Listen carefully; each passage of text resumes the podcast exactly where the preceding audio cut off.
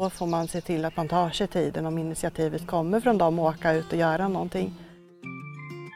Den första skira grönskan, vacker fågelsång, ett hav av vitsippor och så glada barnskratt. Vilken idyll! Men eh, alla vi som har tjatat, tröstat, peppat och förmanat de barn som vi så gärna vill få med ut i naturen. Ja, vi vet att den där idyllen inte alltid överensstämmer med verkligheten. Samtidigt vet vi att barnen och vi borde komma ut mer. Så hur kan vi väcka lusten att vara ute i naturen? Och hur gör vi den där dagen i vår ekhage så trevlig som möjligt? För alla. Nu står jag här vid entrén till vår ekhagmark igen. Och den här gången ska jag träffa Malin Granlund Fält som till vardags jobbar på Naturum Tåkern. Hon är biolog men också något av expert på det här med barn och natur. Varje år tar hon och hennes kollegor emot många och stora grupper barn vid Tåkern där de vägleder barnen ut i naturen. Eh, jag vet ju att det finns mycket saker vid Tåkern, eh, mycket som är kul. Det är klätterställningar och det är sagopromenader och annat. Jag tänkte kolla med Malin om hon har några bra tips på hur man ska få med sig barn ut i naturen. Vad ska man tänka på? Hur kan man få den här vistelsen i naturen till något roligt för alla? Du Malin, varför är det bra för oss och barnen att gå omkring i en sån här miljö? Jag är ju biolog i utbildningen och jag kan ju börja med det biologiska i oss att alltså vi har ju funnits på jorden under flera miljoner år och vi har liksom, så här har vi levt i naturen. Vi har varit utomhus, vi har rört på oss, vi har använt våra händer, våra kroppar för att få det vi behöver. Och när vi kommer ut nu så liksom, då mår vi bra i kroppen och i, i huvudet också. Pulsen sänks och man blir lugnare i sinnet. Vad händer med barn när man är ute i naturen? Jag tycker att barnen efter ett tag bara så börjar de se saker omkring sig. De, det börjar väckas kreativitet i dem och eh, de får lust att börja titta på saker och leka, leka, fantasilekar. Och man, man rör på sig också på ett annat sätt än vad man gör om man stannar inne, kanske sitter vid datorn och så, så kommer man igång. Tror du att, liksom, att det har påverkat vår relation till naturen? Att det, den här känslan av att eh, naturen är någonting som man vill ta hand om eller att naturen är någonting som finns där ute, någonting annat och kanske till och med lite skrämmande? Ja, jag tror att det är vanligare idag att man inte känner samhörighet, att man inte tänker som att vi är en del av naturen. Och i, i långa loppet så får vi allt vad vi behöver till vår, vår försörjning på ett eller annat sätt kommer ju det från naturen. Alltså. Finns det liksom några fällor som man kan gå i som vuxen när man tänker liksom när det gäller förväntningar och ambitioner kring en, bara en sån här vanlig liten dagsutflykt i sån där ekhagmark? Ja, nej, men jag håller ju med dig om att det inte alltid är helt lätt att få med sig barnen och, och särskilt inte ifall man eh, tänker så här att nu vill jag åka ut i naturen för att göra de sakerna jag tycker är viktigt. Jag vill gärna få motion och gå långt och så vill jag stanna och titta på blommor och fåglar.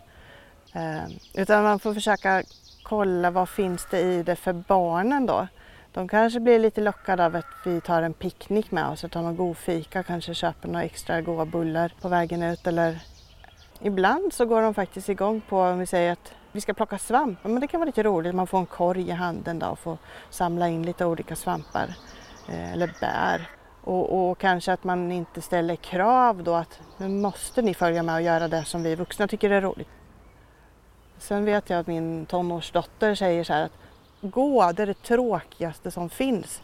Men sen kan hon ändå komma så här, kan vi inte gå ut och vandra lite, vi tar med oss hunden och så går vi en sväng. Så det, det är lite dubbelt det där. Har han provat en gång så kan de ju faktiskt få smak på saker och ting mm. också. Ja. Så man kanske inte ska vara helt rädd för att låta dem prova på sånt som de tror att de tycker är jättetråkigt heller.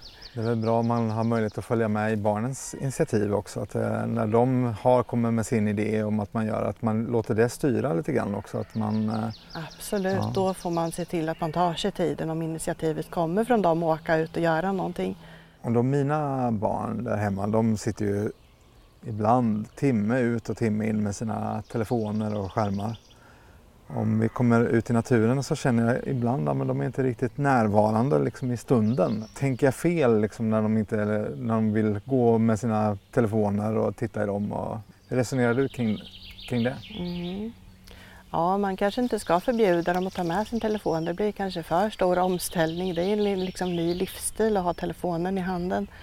Det finns ju saker man kan använda telefonen till som faktiskt kan eh, hjälpa till också att upptäcka saker i naturen. Eh, fotografera saker till exempel, dokumentera vad man ser. Ehm, en del kanske vill spela in små filmsnuttar och lägga ut på några sociala medier att nu är jag här i naturen och här var det häftigt. Sen kan man ju använda massa appar i telefonen eh, för att eh, om man är nyfiken på vad det är man har hittat så finns det appar för det. Sen är det klart att jag skulle vilja eh, önska mig att man kan lägga bort telefonen och bara ta in, bara lyssna på fåglarna eller titta på vad det fina små skalbaggar som kryper på marken och tycka att spindlarna är vackra och sånt där. Men det är liksom, det är ju en process. Det, det tar ett tag innan man kan älska allt man har omkring sig. Det är många barn som säger till mig på Naturum att det var de fulaste krypen jag har sett det där. De var riktigt äckliga. Och jag försöker lite så här, men, men titta dem i ögonen, de är ju vackra de också. Så de, de är här och är på jakt efter någonting att äta och, och har sina mål i livet. Om vi lär oss att förstå det så kanske vi inte tycker att alla fästingar och spindlar och sånt där är otäcka äckliga utan vi bara ser dem som medmänniskor fast eller meddjur. Ska vi gå bort? Vi kan gå neråt och mm. fortsätta lite neråt.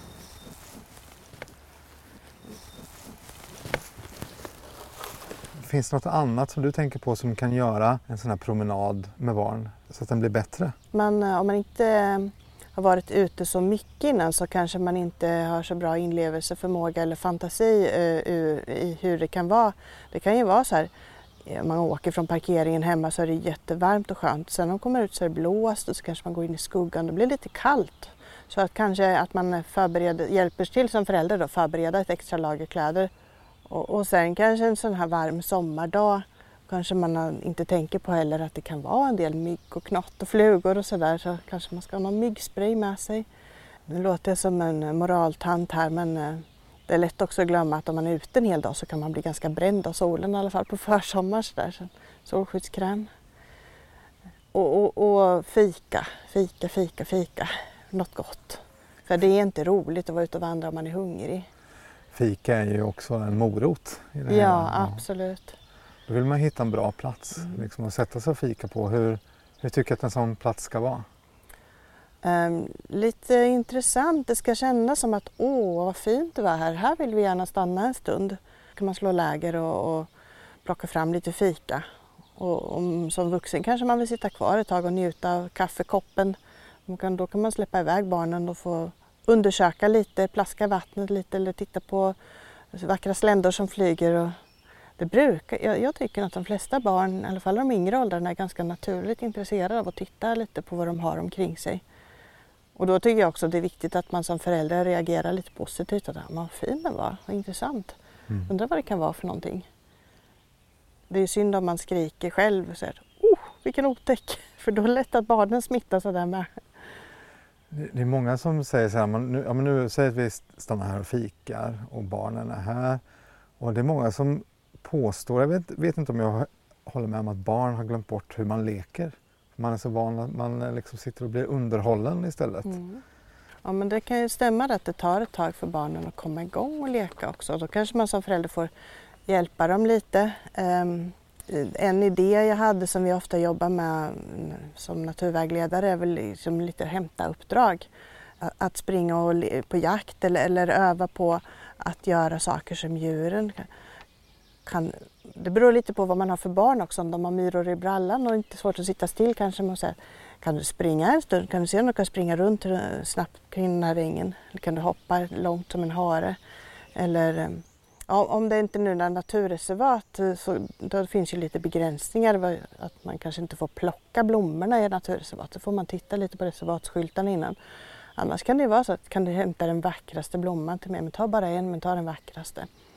Jag tror att efter ett tag som man får röra på sig och ströva omkring och titta lite så kanske man glömmer bort själva uppdraget och börjar leka. Det dyker upp saker i huvudet och där är man ju, alla barn är ju olika. Man går igång på olika saker. Jag tror att det finns någonting för alla i naturen eh, oavsett vilken personlighet man har. Du, i Sverige har vi ju allemansrätt och nu är vi ju ett naturreservat precis som du sa. Här finns det lite speciella regler. Och eh, hur tänker du då liksom hur man ska tänka som vuxen om man har barn med sig? Grundregeln även i ett reservat då, i all svensk natur att man inte får störa och inte förstöra.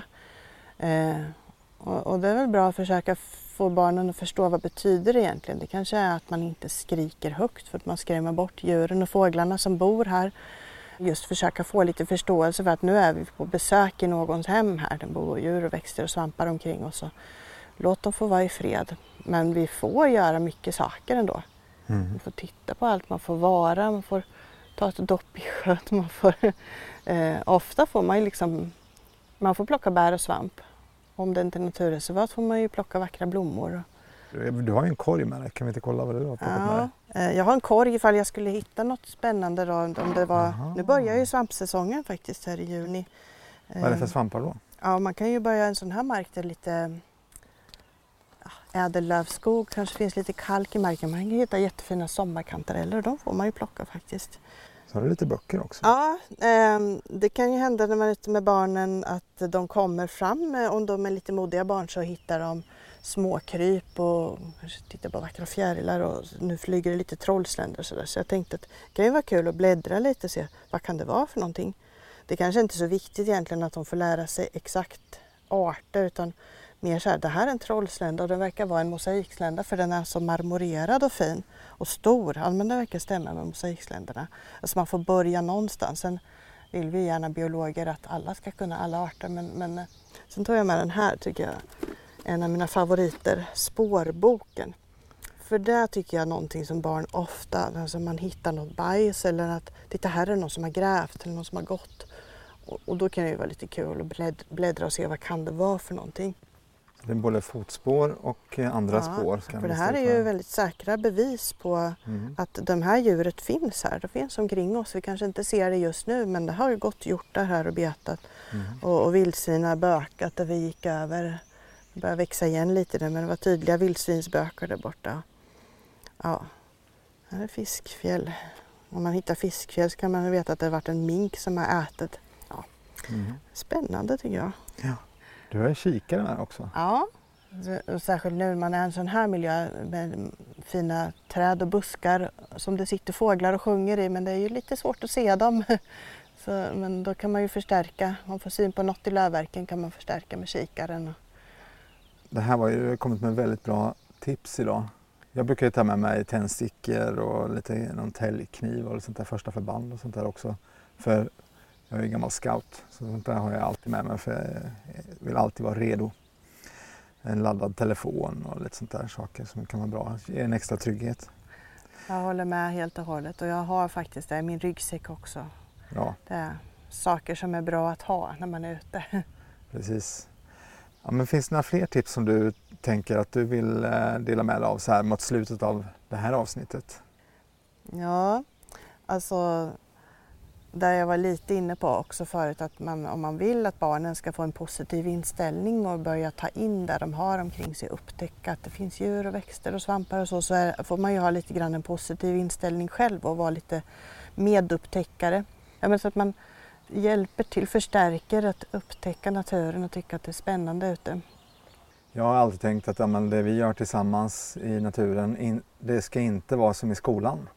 Utan mm. att det ska vara någonting annat. Man ska mm. känna att, ja, det, man, att det är ledigt och att det är ett annat sätt att kanske lära sig saker utan att man mm. kanske riktigt eh, vet att man lär sig. Sen vill jag förstås slå ett slag för den kravlösa naturvistelsen också. Och om det är liksom, man är jätteovan och tycker att det är jobbigt att ge sig ut långt i naturen så kan man väl börja eh, där man är. Liksom att parken, naturnära områden och, och att det är ganska kravlöst som du säger, det ska inte vara skolan när man är ledig utan man, man kan ha en skön, försöka ha en skön stund och göra det så trevligt som möjligt. Ja, för då kanske man vill komma tillbaka. Just det. Du, ibland kan man ju få med barnen om man liksom, man kan lura ut dem i naturen lite grann. De säger att nu ska vi ut och cykla. Mm. Vad tycker du om det? Jag tycker det absolut viktigaste är att man börjar känna på det här och vara ute. Och det, det, man får ju gå till sig själv. Eh, alla är inte intresserade av fåglar och blommor. Utan är man intresserad av att cykla så tycker jag man ska börja där. Eller om man vill ut och åka skidor på vintern eller um, ut och, och tälta och göra eld eller paddla kajak eller vandra långt eller ta en promenad och sitta och ha det skönt någonstans. Alltså man får hitta sin ingång. För det viktigaste är väl ändå att man kommer ut och man rör på sig och får den här avkopplingen. Det, det är hälsosamma med att få vara ute. Vad har naturen för hälsoeffekter på människor? Vet du någonting om det? Ja, jag skulle säga att det är jättestora positiva effekter och det är också medicinskt bevisat. Sen är det ju så många saker man lär sig.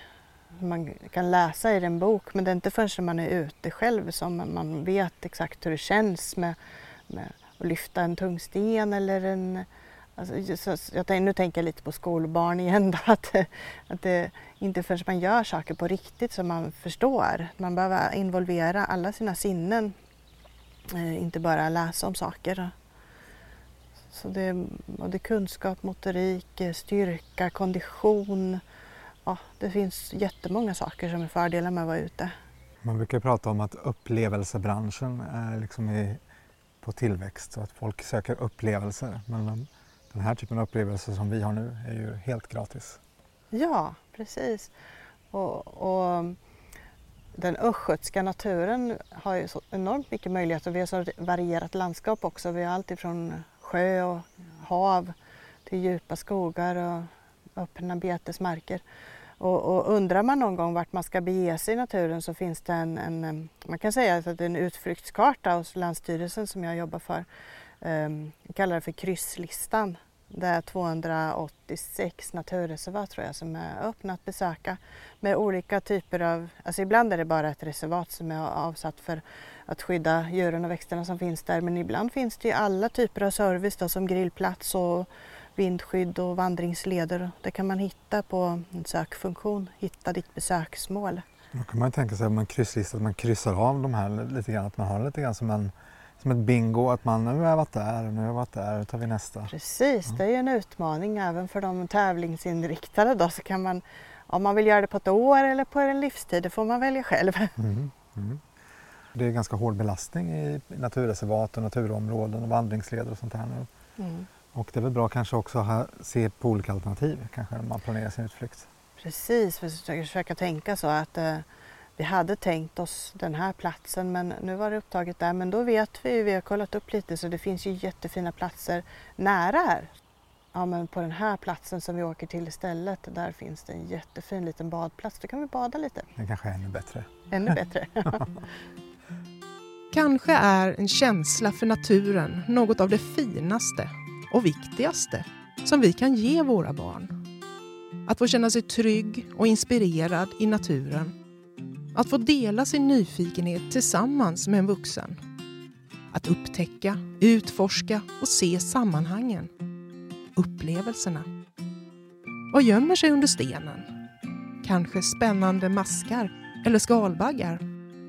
Eller kanske ett livslångt förhållande till vårt ursprung som människor?